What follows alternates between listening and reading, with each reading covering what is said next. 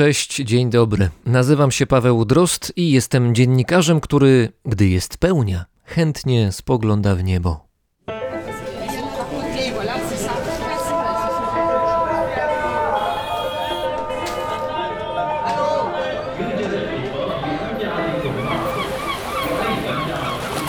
Brzmienie świata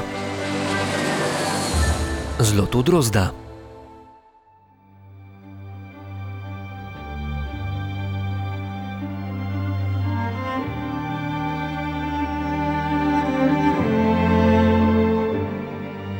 Najlepszy łucznik cesarstwa, Hou Yi, siedział na kamieniu i płakał.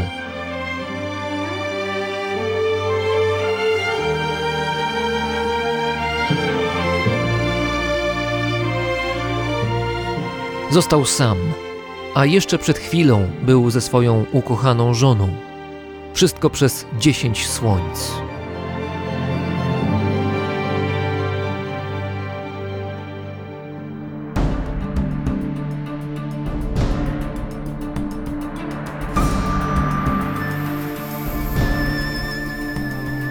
Któregoś dnia pojawiły się na niebie i ich żar zaczął spalać ziemię. Pola przestały rodzić, ginęły zwierzęta, a ludzie codziennie walczyli o każdą kroplę wody. Cesarz zdawał sobie sprawę, że sytuacja jest dramatyczna. Potrzebował pomocy kogoś wyjątkowego, bohatera, który nie ulęknie się niebezpieczeństwa. Wtedy przypomniał sobie, że w Chinach mieszka Hou Yi, łucznik, znany z tego, że nie chybia. Wezwał go do siebie, wskazał mordercze słońca na niebie i nakazał, by się ich pozbyć.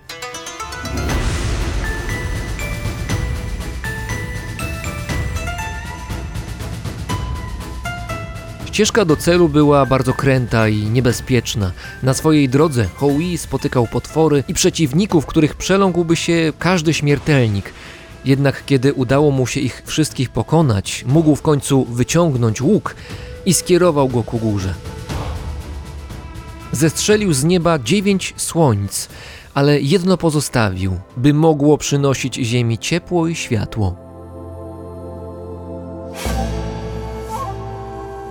O wyczynie niezwykłego łucznika dowiedziała się bogini matka, która mieszkała w rajskich ogrodach w górach Kunlun. Bogini postanowiła nagrodzić Houi wyjątkowym prezentem i dała mu boską roślinę. Kto ją spożyje w całości, stanie się równy bogom, powiedziała. Houi przyjął prezent z radością i opowiedział o nim swojej ukochanej żonie, Chang'e. Wkrótce nastała noc i oboje zasnęli. Tak się przynajmniej wydawało, bo w rzeczywistości Chang'e nie mogła zasnąć. Wyobrażała sobie, że może dołączyć do bogów. W końcu, bez wiedzy męża, zjadła boską roślinę w całości.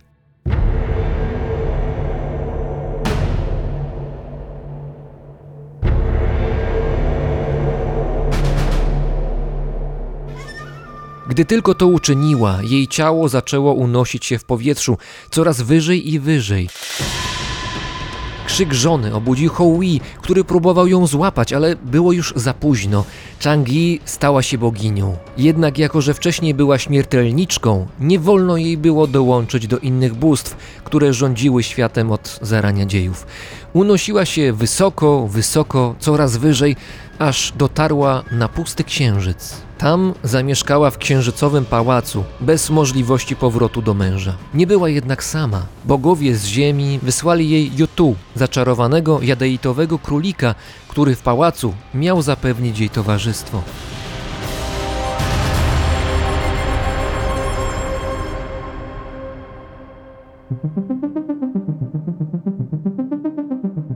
4000 lat później, w styczniu 2019 roku, bogini Chang'e znowu pojawiła się na Księżycu, a dokładniej na jego orbicie. Nie miała boskiej figury, ponieważ ważyła 3,5 tony, ale razem z nią był oczywiście jadeitowy królik. Królik spory, o wadze 140 kg.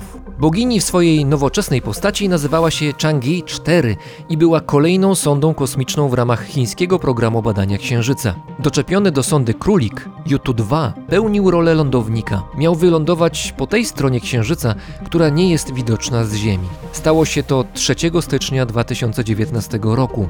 Było to pierwsze w historii lądowanie po tej stronie naturalnego ziemskiego satelity. Ale na tym wyczynie chiński program kosmiczny jeszcze się nie skończył.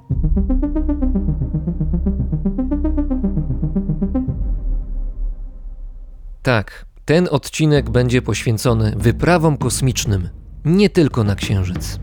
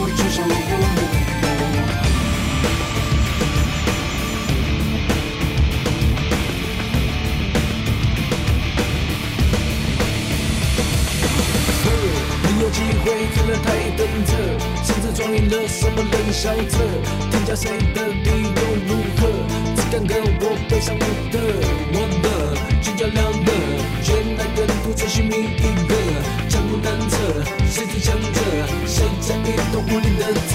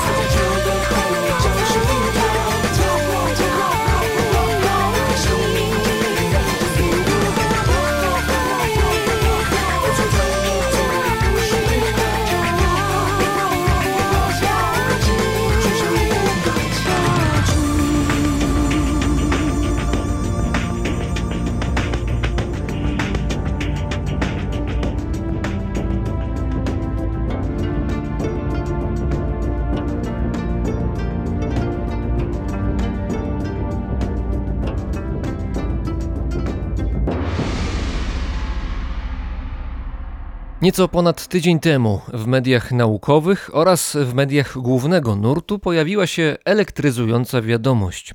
Oto na Księżycu odkryto nowe miejsca, w których znajduje się woda. Informacja miała w sobie ładunek pewnej sensacji, ponieważ woda jest jednym z kluczowych zasobów, który będzie niezbędny przy zakładaniu księżycowej, czyli lunarnej bazy kosmicznej, a ta ma powstać i nie są to plany spisane jedynie na kartach książek science fiction. Trwają przygotowania. Wiadomo już, że na przykład w roku 2024 NASA zamierza wysłać nową załogową misję kosmiczną na Księżyc, a na księżycowej Ziemi ma wtedy stanąć pierwsza w historii astronautka. Gdy księżycowa baza już powstanie, będzie to kolejny ważny krok w kierunku świętego Grala w podboju kosmosu, a więc załogowej misji na Marsa. Wróćmy jednak na Ziemię, gdzie w Lesznie jest z nami dr Aleksander Waśniowski, lekarz oraz organizator analogowych czy symulowanych misji kosmicznych w Polsce oraz współtwórca habitatu Lunares. Dzień dobry, cześć. Dzień dobry Państwu, witaj. Czy kiedy usłyszałeś, że na Księżycu odkryto więcej wody niż się spodziewano, odkryto nową wodę, to czy w ekscytacji skakałeś po pokoju, czy też jakoś bez emocji dalej sączyłeś martini albo dopijałeś kawę? Tylko takie wybory? No dobrze, możemy wymienić jeszcze parę innych alkoholi, ale myślę, że to nie jest clue naszej rozmowy, natomiast możemy oczywiście nieco zboczyć. Ale właśnie w pewnym sensie to jest powiązane, bo zawartość wody jest różna w tych wszystkich napojach. O, wybrnęliśmy. tak, ale rzeczywiście to była radosna wiadomość z punktu widzenia osoby, która póki co palcem po globie niebieskim, bądź czerwonym, bądź białym wędruje do baz księżycowych czy marsjańskich, ale faktycznie to przybliża ludzkość do ustanowienia stałych baz i na Księżycu, a potem na Marsie. Przy czym te objętości wody, o których mówimy, a które są stwierdzone, to też trzeba sobie uświadomić, nie są zbyt ogromne. Największym osiągnięciem tutaj obserwatorium Sofia jest to, że tak naprawdę udowodniono, że to jest woda. Bo dotąd było wiadomo, że jakiś związek wodorowy, może to jest OH, może H2O, Teraz wiemy, że woda i wiemy, że nie tylko w zacienionych szczelinach i w jakichś głębokich kraterach i w okolicy biegunów, jak dotychczas uważano i, i wiedziano, natomiast również na oświetlonej stronie Księżyca woda występuje. Ale ta woda to jest około 400 cząsteczek na miliony. To mniej więcej odpowiada butelce 300 ml wody na metr sześcienny regolitu, czyli gleby księżycowej, nazwijmy to. I to jest jedno zagadnienie, że na Saharze jest 100 razy więcej mniej więcej tej wody. Natomiast drugie zagadnienie jest, jak ewentualnie ją pozyskać, ale ta informacja, że w ogóle tam jest, jest bardzo, bardzo dla nas istotna. Wróćmy może jeszcze do kwestii wody, która wcześniej została stwierdzona na Księżycu.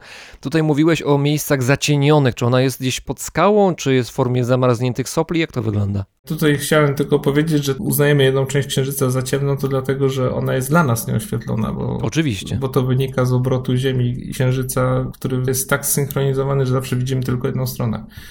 Więc to nie jest tak, że księżyc nigdy nie jest oświetlony z której strony. Natomiast tak, faktycznie najpierw szukano w takich miejscach, w miejscach biegunowych, gdzie zwykle się gromadzą zestalone gazy, jeżeli występują jak na Marsie, czy właśnie woda. Natomiast no tutaj mamy ewidentny dowód, że w formie związanej w regolicie ta woda występuje również w innych rejonach, również bliższych równikowym, co jest istotne z punktu widzenia lokalizacji bazy, gdyby miała być, bo z wielu przyczyn nas, ludzi, ziemian, by to interesowało, żeby również na naszej jasnej stronie Księżyca wodę można było nie tylko stwierdzić, ale też ją pozyskiwać to jest podstawowa rzecz, bo z punktu widzenia naukowego jest to bardzo interesujące, ale z punktu widzenia inżynieryjnego czy technologicznego trudne do osiągnięcia, aby tą wodę wydobyć w ilościach na tyle konkretnych, żeby stała się źródłem tlenu czy źródłem paliwa dla rakiet czy samych habitatów, bo prawdopodobnie można przyjąć, że część urządzeń może mieć zasilanie wodorowe. Habitatów, czyli baz, które tam na Księżycu mają stanąć. Ale no właśnie, jak takie wydobycie wody miałoby wyglądać? Zakładam, że to nie jest tak, że jest studnia kopana i potem wiadrami to astronauci wynoszą. To z wielu przyczyn byłoby dosyć kłopotliwe.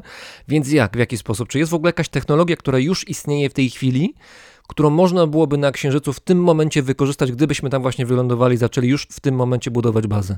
No to tutaj zadałeś pytania, zdaje się, wykraczające trochę poza moje kompetencje. Natomiast co do zasady, to nie będzie kopanie studni, to nie będzie topienie lodu. To już jest kwestia technologiczna. Może się okazać, że gdybyśmy chcieli zastosować te metody na Ziemi, to one są absolutnie nieopłacalne póki co. Prawdopodobnie nacisk kładziony na odzyskiwanie wody na pokładzie bazy i tak będzie z punktu widzenia astronautów, to i tak będzie kluczowy na początku. Odzyskiwanie wody, to masz na myśli również odzyskiwanie wody z tego, co zwykle spłukujemy w toaletach? No tak, tak, tak. No, z moczu już na stacji kosmicznej międzynarodowej też się odzyskuje wodę i ona wraca później do biegu. Legendarne już są historie, że Amerykanie nie piją wody odzyskiwanej z moczu części rosyjskiej i odwrotnie. Ale to jest legenda czy fakt? Astronauci mówili, że tak rzeczywiście jest. Więc to, to jest legendarne w sensie, że, że się o tym mówi. Ale podobno tak jest. Gdybym chciał trochę po bandzie dowcip wykorzystać, to bym powiedział, że o smakach się nie dyskutuje, ale proszę kontynuuj. Ale o pochodzeniu tych smaków bywa. Ale kwestie odzyskiwania wody to nie tylko jest mocz, ale to również jest rekuperacja wody wydychanej. Możemy też odzyskać całkiem sporą ilość wody z kondensacji pary wodnej, którą wydychamy, bo to jest jednak jedno z głównych, poza oddawaniem moczu, źródeł utraty wody z naszego organizmu, no to również parowanie potu i też parowanie bezpośrednio przez oddychanie. To są pewne kwestie, które, które się bierze pod uwagę. Są systemy odzyskiwania tzw. Tak szarej wody, czyli takiej technicznej, uzdatniania później jej. To też trzeba wziąć pod uwagę, że taka wieloletnia misja na pewno miałaby na swoim pokładzie już bardziej pewnie marsjańska niż księżycowa, jednak całą część biolabu z produkcją żywności i rośliny też potrzebują odpowiednią ilość wody. I tam też obieg, cyrkulacja tej wody w takim biologicznym systemie musiałaby być zamknięta, więc no to są istotne kwestie. Woda też jest stosunkowo dobrym ekranem, jeśli chodzi o promieniowanie kosmiczne, także tutaj zastosowań jej mamy bardzo wiele. Ekranem to znaczy barierą, która jest w stanie ograniczyć albo w ogóle zatrzymać promieniowanie kosmiczne, które dla astronautów w przestrzeni kosmicznej przez dłuższy czas może być albo bardzo szkodliwe, albo wręcz zabójcze. Tak, no optymalnie by było mieszkać w jaskini pod wodą. No tak zresztą życie powstawało na Ziemi, jednak w oceanach. Także to jest wieloaspektowa kwestia od pozyskiwania wody dla astronautów, dla biolabu, dla uprawy roślin, hodowli ewentualnie zwierzęcej, gdyby była, chociaż to prawdopodobnie tak będzie raczej w oparciu o insekty, o tego rodzaju białko zwierzęce, jeśli w ogóle. Bardzo ważna jest też gałąź tutaj, nad którą się trzeba zastanowić, produkcji tlenu na miejscu, czyli właśnie z elektrolizy wody na przykład, albo z innych form rozpadu tych cząsteczek i produkcji paliwa, bo paliwo tlenowo-wodorowa mieszanka jest tutaj jakby jednym z najczęściej dotąd rozważanych.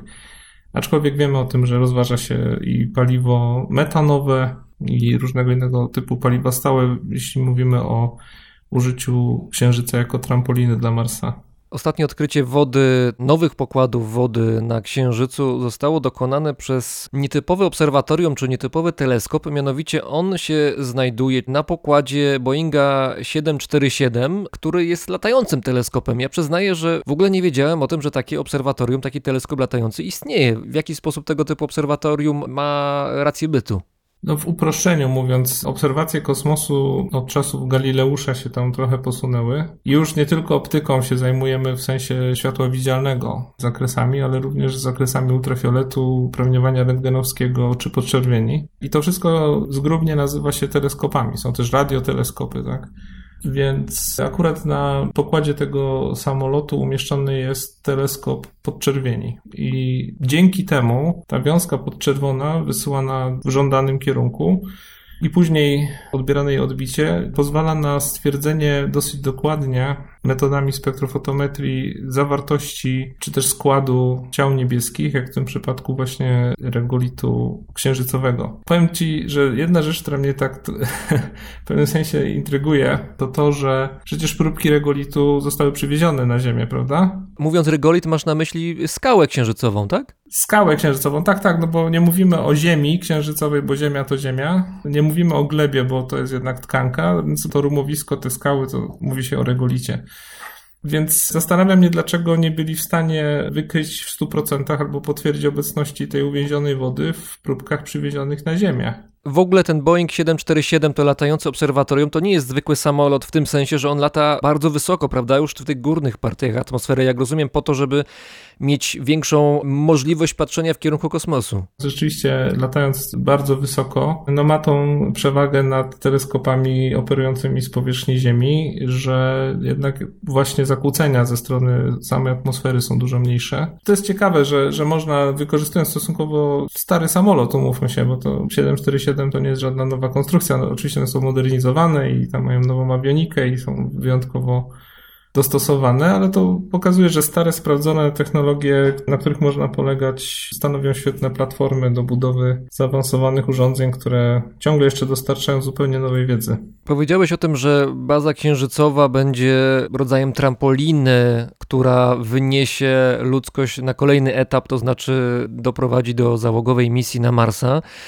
NASA oficjalnie przedstawiła taki plan, gdzie już w latach 30. tego wieku ma do takiej misji załogowej na Marsa dojść. Najpierw to mają być ludzie wysłani w kierunku Marsa, którzy na orbicie się będą poruszać, potem wrócą spokojnie do domu, w teorii przynajmniej. Potem dopiero ma nastąpić lądowanie. Rosjanie planują podobną misję gdzieś koło roku 2045. To nie są dalekie daty, to nie jest odległa przyszłość, gdzie nasi wnukowie, prawnukowie i tak dalej dopiero będą w stanie zobaczyć to, co się będzie działo potencjalnie, jeżeli chodzi o podbój kosmosu, tylko to jest przyszłość no, relatywnie niedaleka.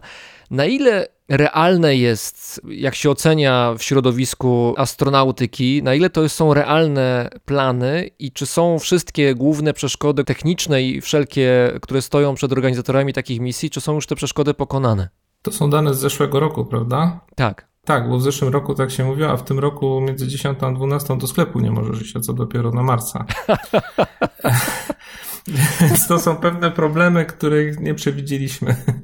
Tak, no takie były założenia, no ale została ludzkość chwilowo pokonana przez coś znacznie mniejszego niż, niż Marsjanie. Więc faktycznie ta perspektywa wydawała się jeszcze w zeszłym roku realna i bliska, a w tym roku już wcale niekoniecznie. Znaczy, oczywiście nikt nie zaprzestał tych badań, nikt nie zaprzestał działań, chociaż analogii, czyli te symulacje lotów i też przebywania w bazach, bardzo ucierpiały. Część z nich została wstrzymana, niektóre się odbywały pomimo pandemii. Tutaj mówisz o tych symulowanych misjach kosmicznych, które się odbywają na powierzchni i niejako udają, że coś się dzieje w kosmosie, po to, żeby na podstawie doświadczeń z takich misji symulowanych na powierzchni Ziemi, prawdziwe misje kosmiczne mogły lepiej się odbyć. Ja czy nie lubię słowa udają, bo udają to filmy, czy tam przedstawienia teatralne, coś, natomiast to są symulacje rzeczywiście, mhm. czyli to jest o tyle udawane, o ile ćwiczenia wojskowe są udawaną wojną, tak? To jest coś w tym rodzaju, żeby niskim kosztem ludzkim i niskim kosztem technicznym uzyskać maksimum danych, przede wszystkim ciągle o psychologii i zdolności człowieka do znoszenia stresu, samotności, bądź przegęszczenia na małej powierzchni. Bo podczas takich misji, symulowanych misji kosmicznych na powierzchni Ziemi, nie testuje się silników rakietowych, nie testuje się wydolności skafandrów i tak dalej, tak dalej. To nie o to chodzi. Tutaj chodzi bardziej o samego człowieka, czyli no ten kluczowy element i potencjalnie najbardziej zawodny w takich misjach. To prawda, jest wprawdzie analogów przeróżnych na świecie bardzo wiele. Takich, gdzie się testuje skafandry też są. Natomiast w tych, które akurat mamy w Polsce, czyli Lunares w Pile, tam są testowane głównie aspekty psychologii, medycyny, telemedycyny, biologii, głównie z nastawieniem na chronobiologię, czyli to, jak człowiek się zachowuje w perspektywie czasowej, jak odbiera samotność, nawet jak śpi. Więc to są rzeczy, które są cały czas poznawane. Wydawałoby się, że wszystko już na ten temat wiemy po 40 latach lotów. Natomiast no nieprawdą to się staje w sytuacji, kiedy nawet inaczej spędzaliśmy wolny czas 30 lat temu niż obecnie. I pojawiają się problemy, że kiedyś się tęskniło do rodziny, a teraz jeszcze się tęskni do Facebooka na przykład, czy innych mediów społecznościowych. Więc to są rzeczy, które cały czas są badane i część z tych wypraw analogowych, analogicznych została powstrzymana przez pandemię i to oczywiście nie mogę powiedzieć, żeby sparaliżowało badania, ale jest zawsze jakimś tam mikrohamującym elementem i możliwe, że, że ta data 2024 dla misji Artemis, bo, bo o niej wspominałeś jako misji powrotu na Księżyc i jednocześnie z kobietą na pokładzie, bo dotąd lądowali tylko mężczyźni i tylko Amerykanie na Księżycu, to faktycznie obawiam się, że może się przesunąć i ta perspektywa 2.30 chyba może być bardziej realistyczna. Co do lądowania na Marsie, no to jest taki no, bardzo długi skok, gdybyśmy chcieli prosto z Ziemi wystartować. Raczej Księżyc jest brany pod uwagę jako wyrzutnia, dlatego że jednak ma niższą grawitację, znacznie od ziemskiej. I dużo łatwiej uzyskać prędkości, które będą w stanie pomóc wynieść załogę na Marsa. Ale dlaczego takie analogii w ogóle są istotne? No przecież nie wiem, czy widziałeś kiedyś choćby model Oriona, czyli tego modułu, którym będą astronauci lecieli. On jest dosyć podobny w sposobie działania do Apolla, to znaczy do tych wszystkich modułów, które w początkach zdobywania Księżyca działały. Bardzo podobny jest. Tak, i jest podobnych rozmiarów. To jest rozmiar furgonetki. I teraz przez pół roku w czymś takim musi siedzieć sześć osób. No to są trudne sprawy. To znaczy w takim module, w module Orion sześć osób miałoby lecieć przez pół roku na Marsa, naprawdę? No tak, no nie mamy innego modułu póki co. Ale to ktoś nie wziął pod uwagę tego, że furgonetkę można byłoby zmienić na takiego no, większego minivana z jakimiś wygodami? Nie da się tak zrobić? Na pewno to się da, tylko wtedy w sposób geometryczny rosną koszty i objętości paliwa, które są potrzebne, żeby to wynieść. Tam każdy gram się liczy. To wobec tego powstaje pytanie w mojej głowie natychmiast, czy ktokolwiek z włodarzy NASA, czy z ESA, czyli z Europejskiej Agencji Kosmicznej, czy Chińczycy, Indusi, nie wiem kto tam jeszcze, Rosjanie, czy ktokolwiek z nich, z tych agencji kosmicznych kluczowych, spróbował wrzucić na pół roku, jak mówisz, sześć osób w tak małej przestrzeni, żeby oni tam siedzieli cały czas i jeszcze mieli ograniczony kontakt ze światem zewnętrznym. Czy ktokolwiek tego próbował? Najdłuższy analog, taki marsjański, to był Mars 500. To było 500 dni. To robili Rosjanie. Znaczy oni symulowali lot najpierw i potem przebywanie na pokładzie, więc ta mała przestrzeń też tam się, że tak powiem, pojawiła, ale nie na tak długo. Więc to są problemy. No, misja High Seas na Hawajach też robi dosyć długotrwałe roczne misje, ale rzeczywiście powierzchnia jest tego większa. Muszę powiedzieć, jak zobaczyłem ten moduł po raz pierwszy, powiedzmy jego model, to w ogóle myślałem, że to jest model przeskalowany. Zmniejszony. Ale nie. On taki ma być. No więc cóż. Powiedziałeś, że były już jakieś przymiarki do testów tego typu, jak ludzie się w małych przestrzeniach przez długi czas są w stanie zachowywać, jak sobie są w stanie z tym radzić. Na przykład Rosjanie. Jakie były wyniki tych testów? Jakie były wnioski? Jeśli chodzi o wyniki testów tego typu, to od razu pojawia się bardzo ciekawa analogia z misjami arktycznymi, gdzie pojawia się coś takiego, co się nazywa syndromem zimownika. Tutaj pojawia się po pewnym czasie problem taki, że budują się pewne zachowania agresywne, budują się konflikty i to jest rzecz, której się spodziewamy. Ona jest naturalna i wiemy, że tak będzie. Po jakimś czasie pojawia się, i to może zabrzmi dziwnie, na tak małej przestrzeni z kilkunastoma nawet osobami, wciąż tymi samymi, pojawia się samotność. Znaczy, ludzie stają się dla siebie przeźroczyści. Nikt nie chce z nikim rozmawiać, nikogo widzieć, ludzie zaczynają się zamykać w sobie. Po kilkunastu miesiącach bycia ze sobą non-stop, to się już wszystkie tematy omówiło, przerozmawiało wszystkie filmy, które widzieliśmy, przedyskutowało wszystkie książki, opowiedziało o rodzinie, psie, kocie, o wszystkim, o sąsiadach. Wszystko już o sobie wiemy, jesteśmy dla siebie otwartą księgą, ale jednak no, trzeba jakoś czas spędzać i się już nie ma alternatyw, nie ma jakichś kolejnych tematów, które jesteśmy w stanie w sobie znaleźć, ciekawych i rzeczywiście wtedy się pojawia obojętność, jak rozumiem.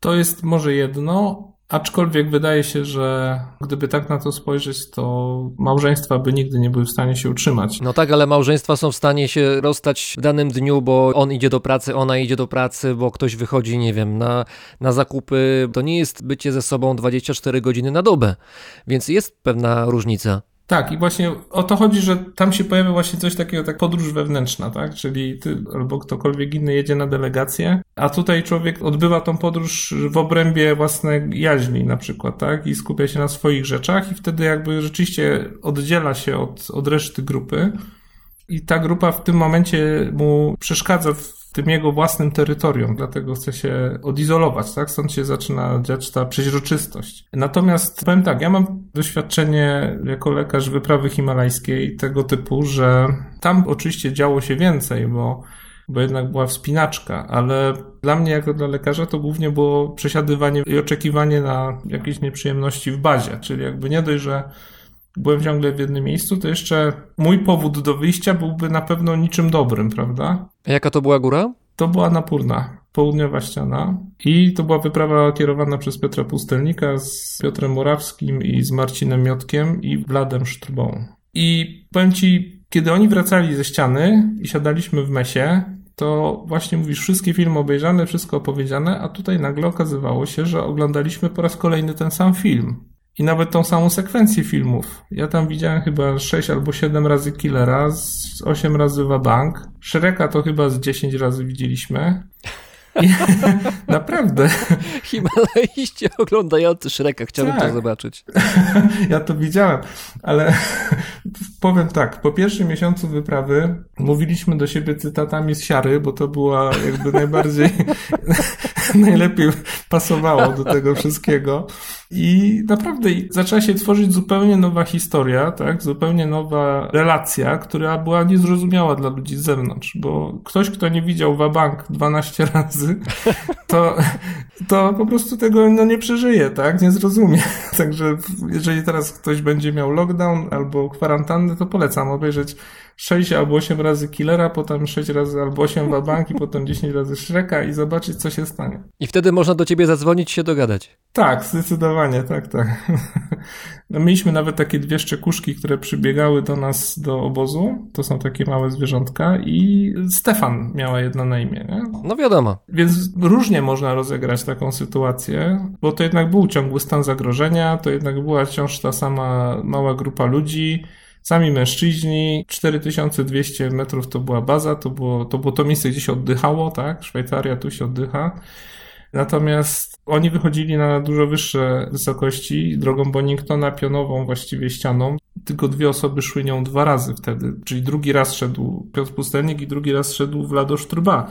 Więc to są tego typu jakby problemy. Tam to w ogóle na szczycie Anapurny 1 było 140 bodaj 7 osób tylko, nie? Więc to oddalenie jakby w pewnym sensie jest porównywalne. Więc da się na Ziemi stworzyć warunki zbliżone i dzięki temu jesteśmy w stanie bardzo dużo się dowiedzieć nie wychylając nosa poza stratosferę, co może się wydarzyć, ale nie wszystko przewidzimy oczywiście, prawda? Rozumiem, że sugerujesz, że na pokładzie Oriona powinny być filmy, a Shrek i Killer w szczególności.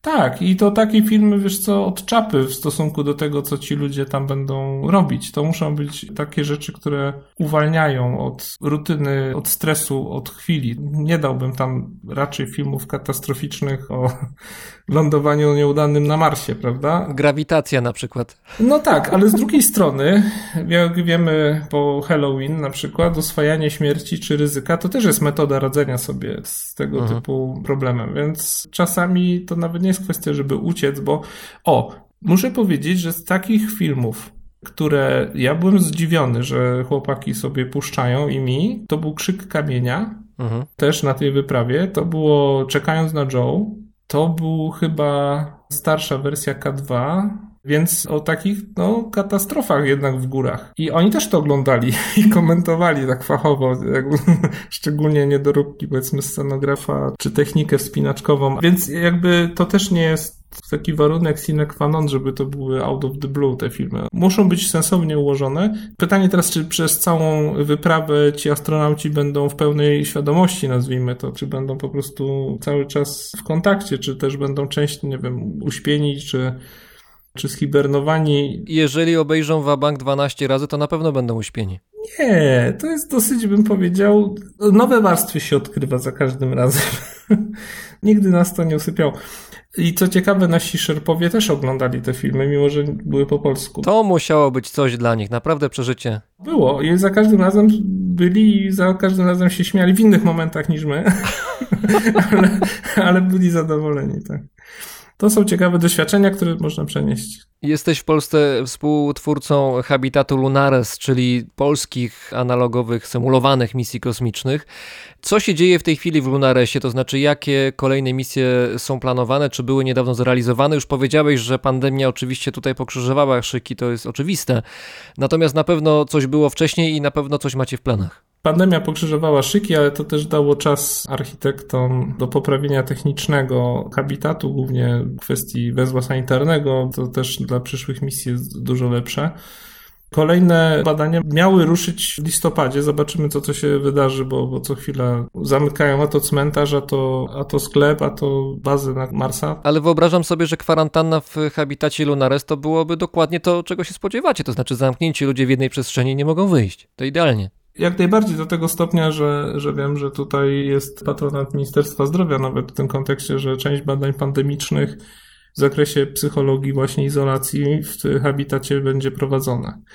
Faktycznie będziemy działać i kontynuować część już rozpoczętych badań zeszłorocznych, gdzie w misji Endymion, to była ostatnia misja, która się odbyła międzynarodowa, badaliśmy wpływ izolacji na neuroplastyczność mózgu u astronautów poprzez wykonywanie rezonansu magnetycznego tutaj właśnie w Lesznie, w ośrodku Ventriculus, przed wejściem astronautów na pokład i po ich wyjściu z pokładu. I okazuje się, że po dwóch tygodniach już niektóre procesy można obserwować w rezonansie. To tak szybko człowiek się dostosowuje wręcz no, morfologicznie, nazwijmy to. No, jesteśmy póki co jednym, właściwie jedynym habitatem tego typu w Europie, który tego typu badania wykonuje i misje analogowe. W tej formie, tak? No bo to jest izolacja hangarowa, bo habitat Lunares jest przymocowany, można powiedzieć, w pewnym sensie do hangaru schronu, schrono hangaru atomowego dla Such-22 na dawnym lotnisku wojskowym w Pile. Ten schronohangar został odpowiednio zagospodarowany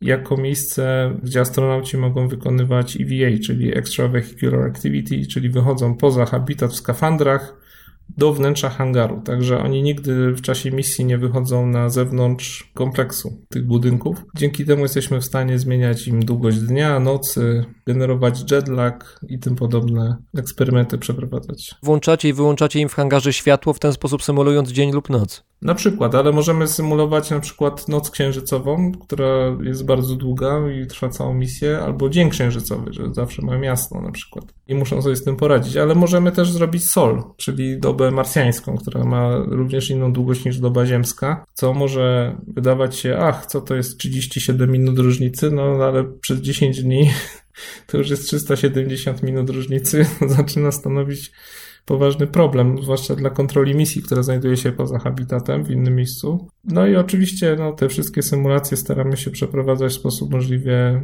miarodajny i wiarygodny. Więc mamy już doświadczenie 11 misji, z których badania były publikowane na najważniejszych konferencjach astronautycznych na świecie i spotkały się z bardzo dobrym odbiorem. I w Waszyngtonie, i w Bremie, także naprawdę nie ma, nie ma wstydu, biorąc pod uwagę, że Habitat powstał w tym miejscu w 2017 roku, czyli na obydwu konferencjach od tego czasu zaistnieliśmy, też jako pierwsze misje z niepełnosprawnym astronautą, bo to jest pewna myśl przewodnia tutaj projektu Icares, więc to na pewno będziemy kontynuowali, bo to jest zbyt dobry zaczyn, żeby nie zrobić z tego wielu bochenków chleba. Nigdy cię o to nie pytałem, a znamy się już trochę czasu. Czy ty kiedykolwiek brałeś udział jako uczestnik w takiej misji, a jeżeli tak, to jak to wspominasz? Jako analogowy astronauta nie, nie byłem na pokładzie, trochę tego żałuję, natomiast no, ktoś musi być suchy, że tak powiem.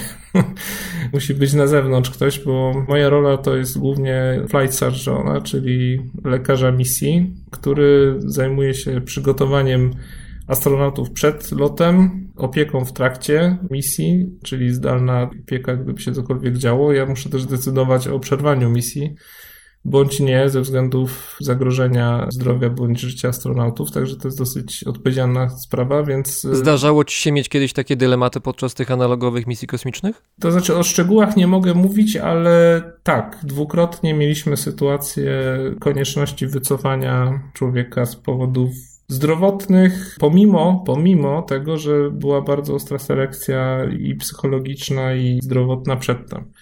Tak, zdarzają się tego typu sprawy. Ja najbardziej lubię nudne misje, tak? Takie, że naprawdę nie ma nic do roboty dla mnie. Bo to jest jasne, że wtedy wszyscy wracają zdrowi. Tutaj też jeszcze raz zacytuję Piotra Pustelnika, który mówił, że wyprawy się dzielą na udane i z sukcesem. Sukcesem to jak się wejdzie na szczyt, a udane to jak nikt nie zginął. I przyznam, że ta filozofia bardzo mi jakoś gra w głowie i, i wolę, żeby nie było sukcesu, ale żeby wyprawa była udana. Ponad wszystko jest bezpieczeństwo astronautów. Po to analogii się robi na Ziemi, żeby było bezpiecznie. Nie mamy ich narażać bezsensownie. Aczkolwiek podnosi się tą kwestię, że w analogach bardzo ważne jest choćby w jakimś krótkim elemencie wygenerowanie prawdziwego zagrożenia.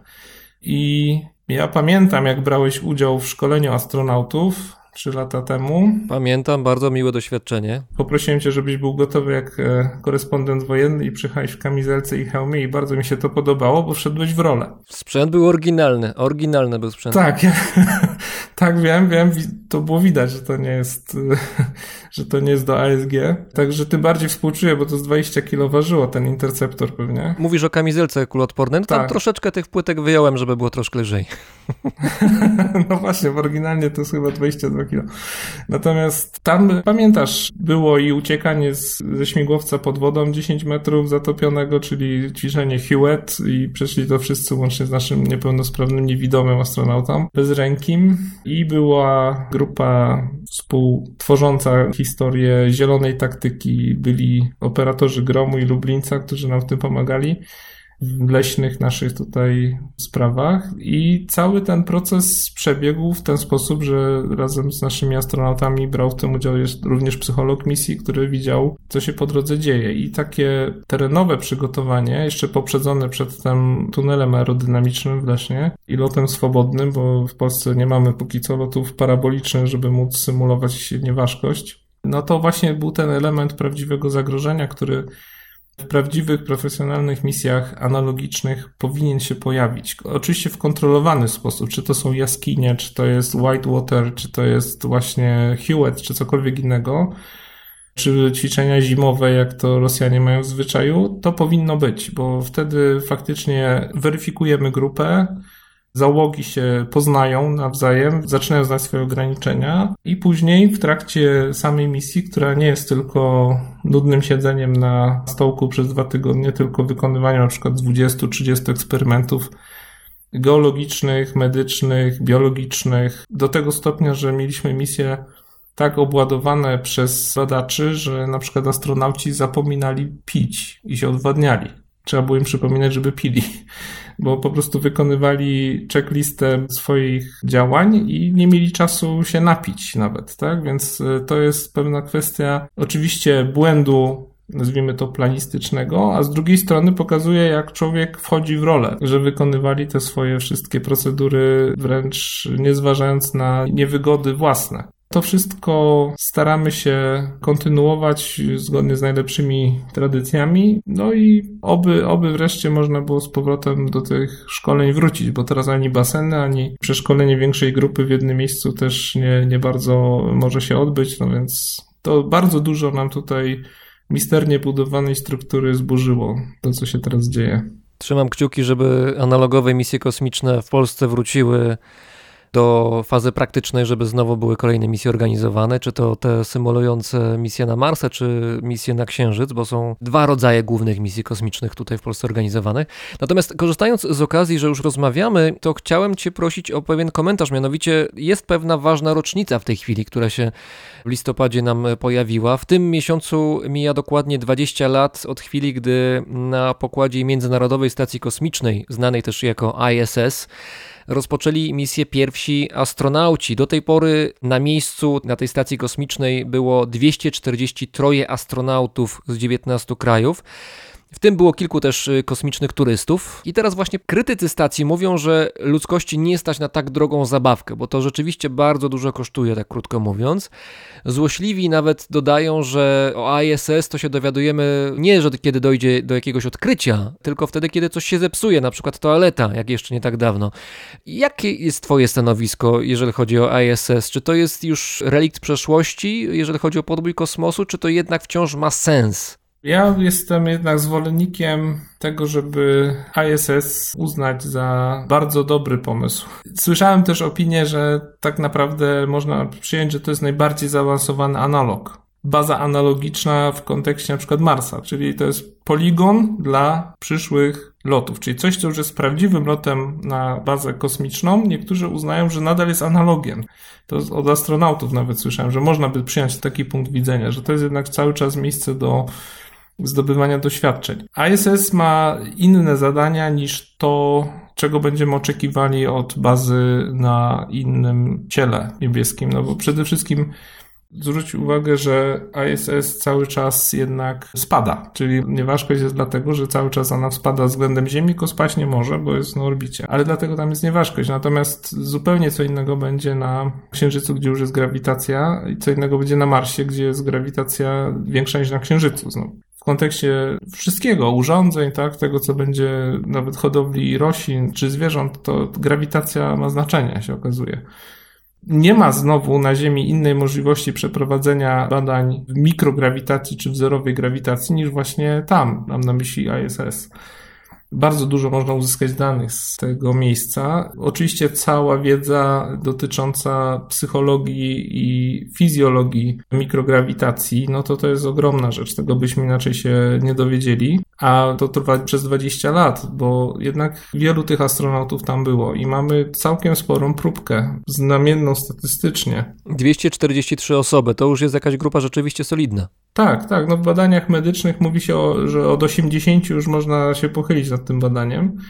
No, w epidemiologicznych to kilka tysięcy jest potrzebnych, czy w zdrowiu publicznym, ale tu akurat jest bardzo to dobrze. Oczywiście to są też ludzie wyselekcjonowani wcześniej, więc to nie można powiedzieć, że to jest badanie takie randomizowane. Ale rzeczywiście tak to wygląda, że ISS dostarczyło nam takich ilości danych, z których my zresztą też korzystamy, tworząc analogii, bo, bo to nie jest oderwane od rzeczywistości. Korzystamy z manuali ISS, korzystamy z wyników badań, dlatego że one są publicznie dostępne. To też niewiele osób wie. Po prostu wszystko, co przez amerykański podatnik płaci, jest dostępne publicznie online i każdy może sobie z tego skorzystać. Ale też nie tylko amerykański, prawda? Bo tam budżety są też rosyjskie, brazylijskie, prawda? Japońskie. Tak, ale z tym to już trochę gorzej. Ja mówię, że to, co płaci amerykański, to jest dostępne online. Dokładnie tak jak mówię. Czyli możesz zażądać na przykład od NASA, będąc obywatelem amerykańskim, że powiedział, dlaczego ten kibel się zepsuł. Przepraszam za wulgaryzm. I oni muszą na to odpisać. A to wiesz co, muszę to sprawdzić. Ale to, to obywatele spoza Stanów Zjednoczonych też mogą takie pytania zadawać? Ja czytałem właśnie, że dokładnie jest tak, że amerykańscy obywatele, bo to z ich podatków jest. Mhm. E, Natomiast może się tam podszyjesz pod kogoś mailowo, to tam nie wiem, czy ktoś to będzie sprawdzał dokładnie. Chyba wszystko zależy od tego, do kogo, do jakiej nacji należał Sedes, który się tam zepsuł. I kto go zepsuł. I kto go Właśnie, zepsuł. właśnie. No, więc to jest, to jest takie, no, zabawne. Natomiast była taka niedawno historia, że powstał otwór, który jeden z niemieckich astronautów zatkał palcem. No tak, i to jest, słuchaj. Ale naprawdę? Tak, zatkał palcem. I Nie, naprawdę? Serio, tak. I to jest jedyny przypadek w historii, kiedy człowiek miał bez skafandra kontakt z otwartą przestrzenią kosmiczną. Ale ten palec tam tkwi dalej w tej dziurze i... Nie, nie, no go zatkał chwilowo, potem go tam załatali czymś innym, ale pierwsze co zrobił, to zatkał palcem. I wiem to dlatego, bo akurat człowiek, który z nim pracuje w jednym pokoju, brał udział w jednej z naszych misji analogowych, więc uśmialiśmy się z tego podwójnie. I takie rzeczy rzeczywiście się wydarzały i to jest niebezpieczne oczywiście, ale da się zatkać palcem dziurę w statku kosmicznym w cudzysłowie. To jest, to jest ta grupa pytań, na które tak, no można się uśmiać, ale bardzo mi się podobała odpowiedź Baza Aldrina, kiedy jeden z dziennikarzy go zapytał, czy to prawda, że czy to prawda, że ścianę modułu Apollo można przebić ołówkiem? A on tak na niego spojrzał, ale dlaczego do cholery chciałbyś to robić? Bo to jest rzeczywiście prawda. Tylko wtedy wszyscy zginą. Więc można to było zrobić, ale nikt nie próbował. Więc są pewne rzeczy, których się dowiadujemy. Ja muszę powiedzieć, że w zeszłym roku wielką przyjemność mi sprawiła informacja o tym, że na ISS, jak odsunęli jakiś tam, nazwijmy to w cudzysłowie kredens, to się okazało, że rośnie tam pleśń, Mm. tak? Zawleczona z ziemi, oczywiście, ale rośnie, pomimo promieniowania i tak dalej. A potem się okazało, że to jest dokładnie ten sam grzyb, którego użyliśmy w jednym z naszych eksperymentów do pozyskiwania metali z rozdrobnionego meteorytu. I muszę powiedzieć, że to był, niezależnie zrobiliśmy to, wybraliśmy ten grzyb, że on by się sprawdził w kosmosie i nagle przyszła informacja, że on tam jest, tak? że on rzeczywiście jest w kosmosie, dokładnie ten. I to pokazuje, jak bardzo się przenikają te eksperymenty, które robimy tutaj, przenikają się z empiryczną wiedzą stamtąd. Więc no, jedyne, czego można żałować, to to, że wkrótce NASA prawdopodobnie obetnie ten projekt w dużej mierze. Zobaczymy, co robi ESA, no bo z tego, co mi wiadomo, to jeszcze ISS właściwie jest przewidziana na 4 lata może. Dlatego jak w zeszłym roku była mowa, czy dwa lata temu o tym, że powinien się pojawić polski astronauta na ISS, no to od razu można było powiedzieć, że to się nie wydarzy, bo proces przygotowania astronauty do lotu, no chyba, że turysta, ale taki astronauta, co coś ma tam zrobić, to 6 lat się przygotowuje a wszystkie miejsca już są po prostu zabukowane do końca istnienia ISS, przynajmniej w formie, jakiej ją znamy, więc się nie pojawi, choćby z tego powodu, już pomijam tam inne kwestie. Ale wiesz, no jesteśmy w stanie wyprodukować polski samochód elektryczny, co stoi na przeszkodzie, żeby wyprodukować polską stację kosmiczną międzynarodową. Polska Międzynarodowa Stacja Kosmiczna to już brzmi skomplikowanie, ale, ale rzeczywiście co stoi na przeszkodzie? No faktycznie. I tak Twardowski był pierwszy na Księżycu, prawda? Ale naturalnie, oczywiście, już tam ma swoją stację. Możliwe, że wiele rzeczy byśmy mogli, ale raczej teraz trzeba się skupiać na grze zespołowej, bo taki czas Magellanów i Kolumbów to chyba niestety mamy za sobą w dużej mierze i teraz to wszystko to są pucle, to jest składanie setek pikseli. Ja mam świadomość, że to, co my robimy w Pile, czy gdziekolwiek indziej, robiąc te analogii, to jest pojedynczy piksel w całym wielkim monitorze. Ale jak taki jeden piksel wypadnie w takim monitorze, no to przeszkadza całemu obrazowi, prawda? Nie widzimy pojedynczych pikseli w monitorze, ale jak one się zepsują i świecą na biało, albo na zielono, albo na czerwono, no to, to przeszkadzają. I to właśnie o to chodzi, że trzeba mieć świadomość swojego wkładu bądź jego braku i znaczenia dla całej historii, natomiast no, robić swoje. I to jest rzecz, którą robią i na ISS, i w innych miejscach na Ziemi, i prawdopodobnie tym wspólnym wysiłkiem jesteśmy w stanie coś osiągnąć. Dlatego ja jestem jednak zdania, że dane z ISS nam bardzo pomagają, aczkolwiek nie są przełożeniem jeden do jeden sytuacji na Marsie czy na Księżycu. Ja jeszcze dodam, że jeżeli ktoś ze słuchających nas osób chciałby sprawdzić, ile osób w tym momencie jest w kosmosie, to znaczy w Międzynarodowej Stacji Kosmicznej, w ISS, to jest taka bardzo fajna, nieskomplikowana strona, gdzie zaglądam raz na jakiś czas. Strona ma dosyć długą nazwę, to jest www.howmanypeopleareinspacerightnow.com. I aktualnie jak się wejdzie na tę stronę, to pojawia się taka wielka cyfra 3 bo trzy osoby aktualnie na ISS się znajdują. Razem z nami był dr Aleksander Waśniowski, lekarz, organizator analogowych misji kosmicznych w Polsce, współtwórca Habitatu Lunares, jeden z pikseli w ludzkim podboju kosmosu. Bardzo Ci dziękuję. Dziękuję Pawle za zaproszenie. El desierto es circular. Para encontrar a los cuatro maestros tendremos que viajar en espiral.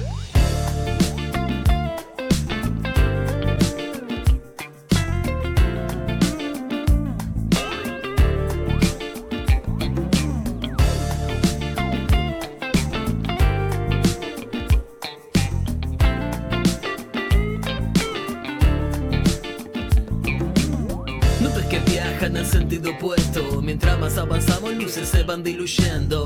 La perspectiva se aprecia a la distancia. En un viaje de ida la música se vuelve danza.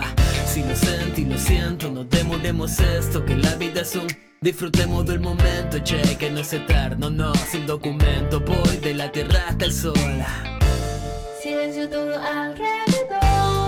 Rompiendo con la armonía. Salimos de órbita como estampida. El sueño de volar y existir entre música y vida Esquivando cometas asteroides haciendo zigzag Viajando por el borde de tu silueta curva Elegante y peligrosa. Cuna de historias que el tiempo refina en prosa. Soy un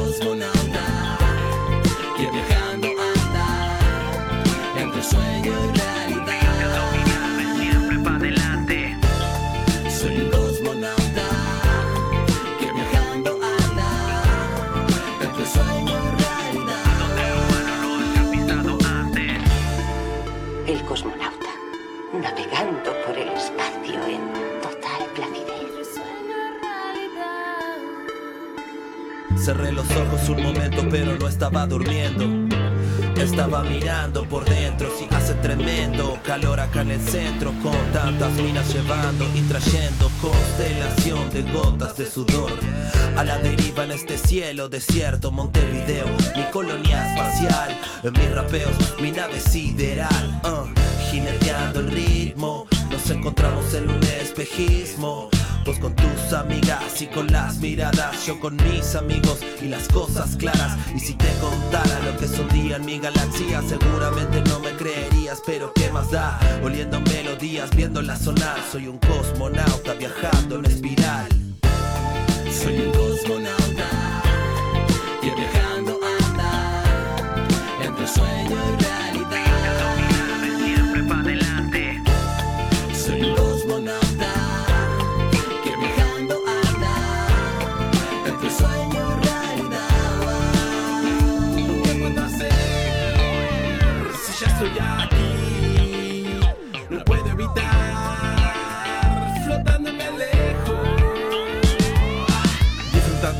hasta que el sol se apague. Reventó el cable, ya solté la nave. Liviano de equipajes con sueños grandes. Voy por un desierto oscuro entre lúceros brillantes. Seguimos cocinando químicos en estado onírico. Donde lo empírico es lo lírico. Vivo en una nube de pedo porque los anhelos no caben aquí. Lo vivo por mí y por ti. Acumulador compulsivo, persigo cada delirio y confío que podría ser así. Yeah, en este acto soy otro actor noctámbulo como Darín. Sueño despierto, no puedo dormir. Ah. Soy un cosmonauta que viajando anda entre sueño y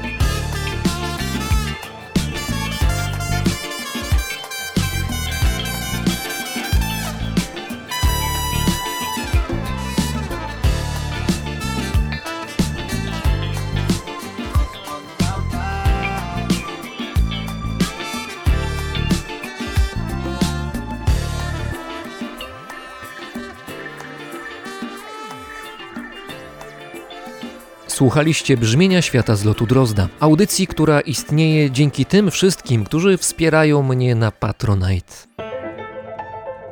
Serdecznie dziękuję za Wasze wpłaty i jestem wdzięczny za zaufanie, którym mnie obdarzacie. Ze swojej strony staram się, by każdy odcinek mojego podcastu był tworzony z najwyższą dbałością o każdy detal. Dla Was. Jeszcze raz dziękuję i zachęcam do sprawdzenia mojego profilu na Patronite oraz dwóch playlist, które stworzyłem specjalnie dla moich słuchaczy. Szukajcie ich na Spotify, wpisując po prostu Brzmienie Świata. Paweł Drozd, czyli ja, mówi Wam dobrego dnia.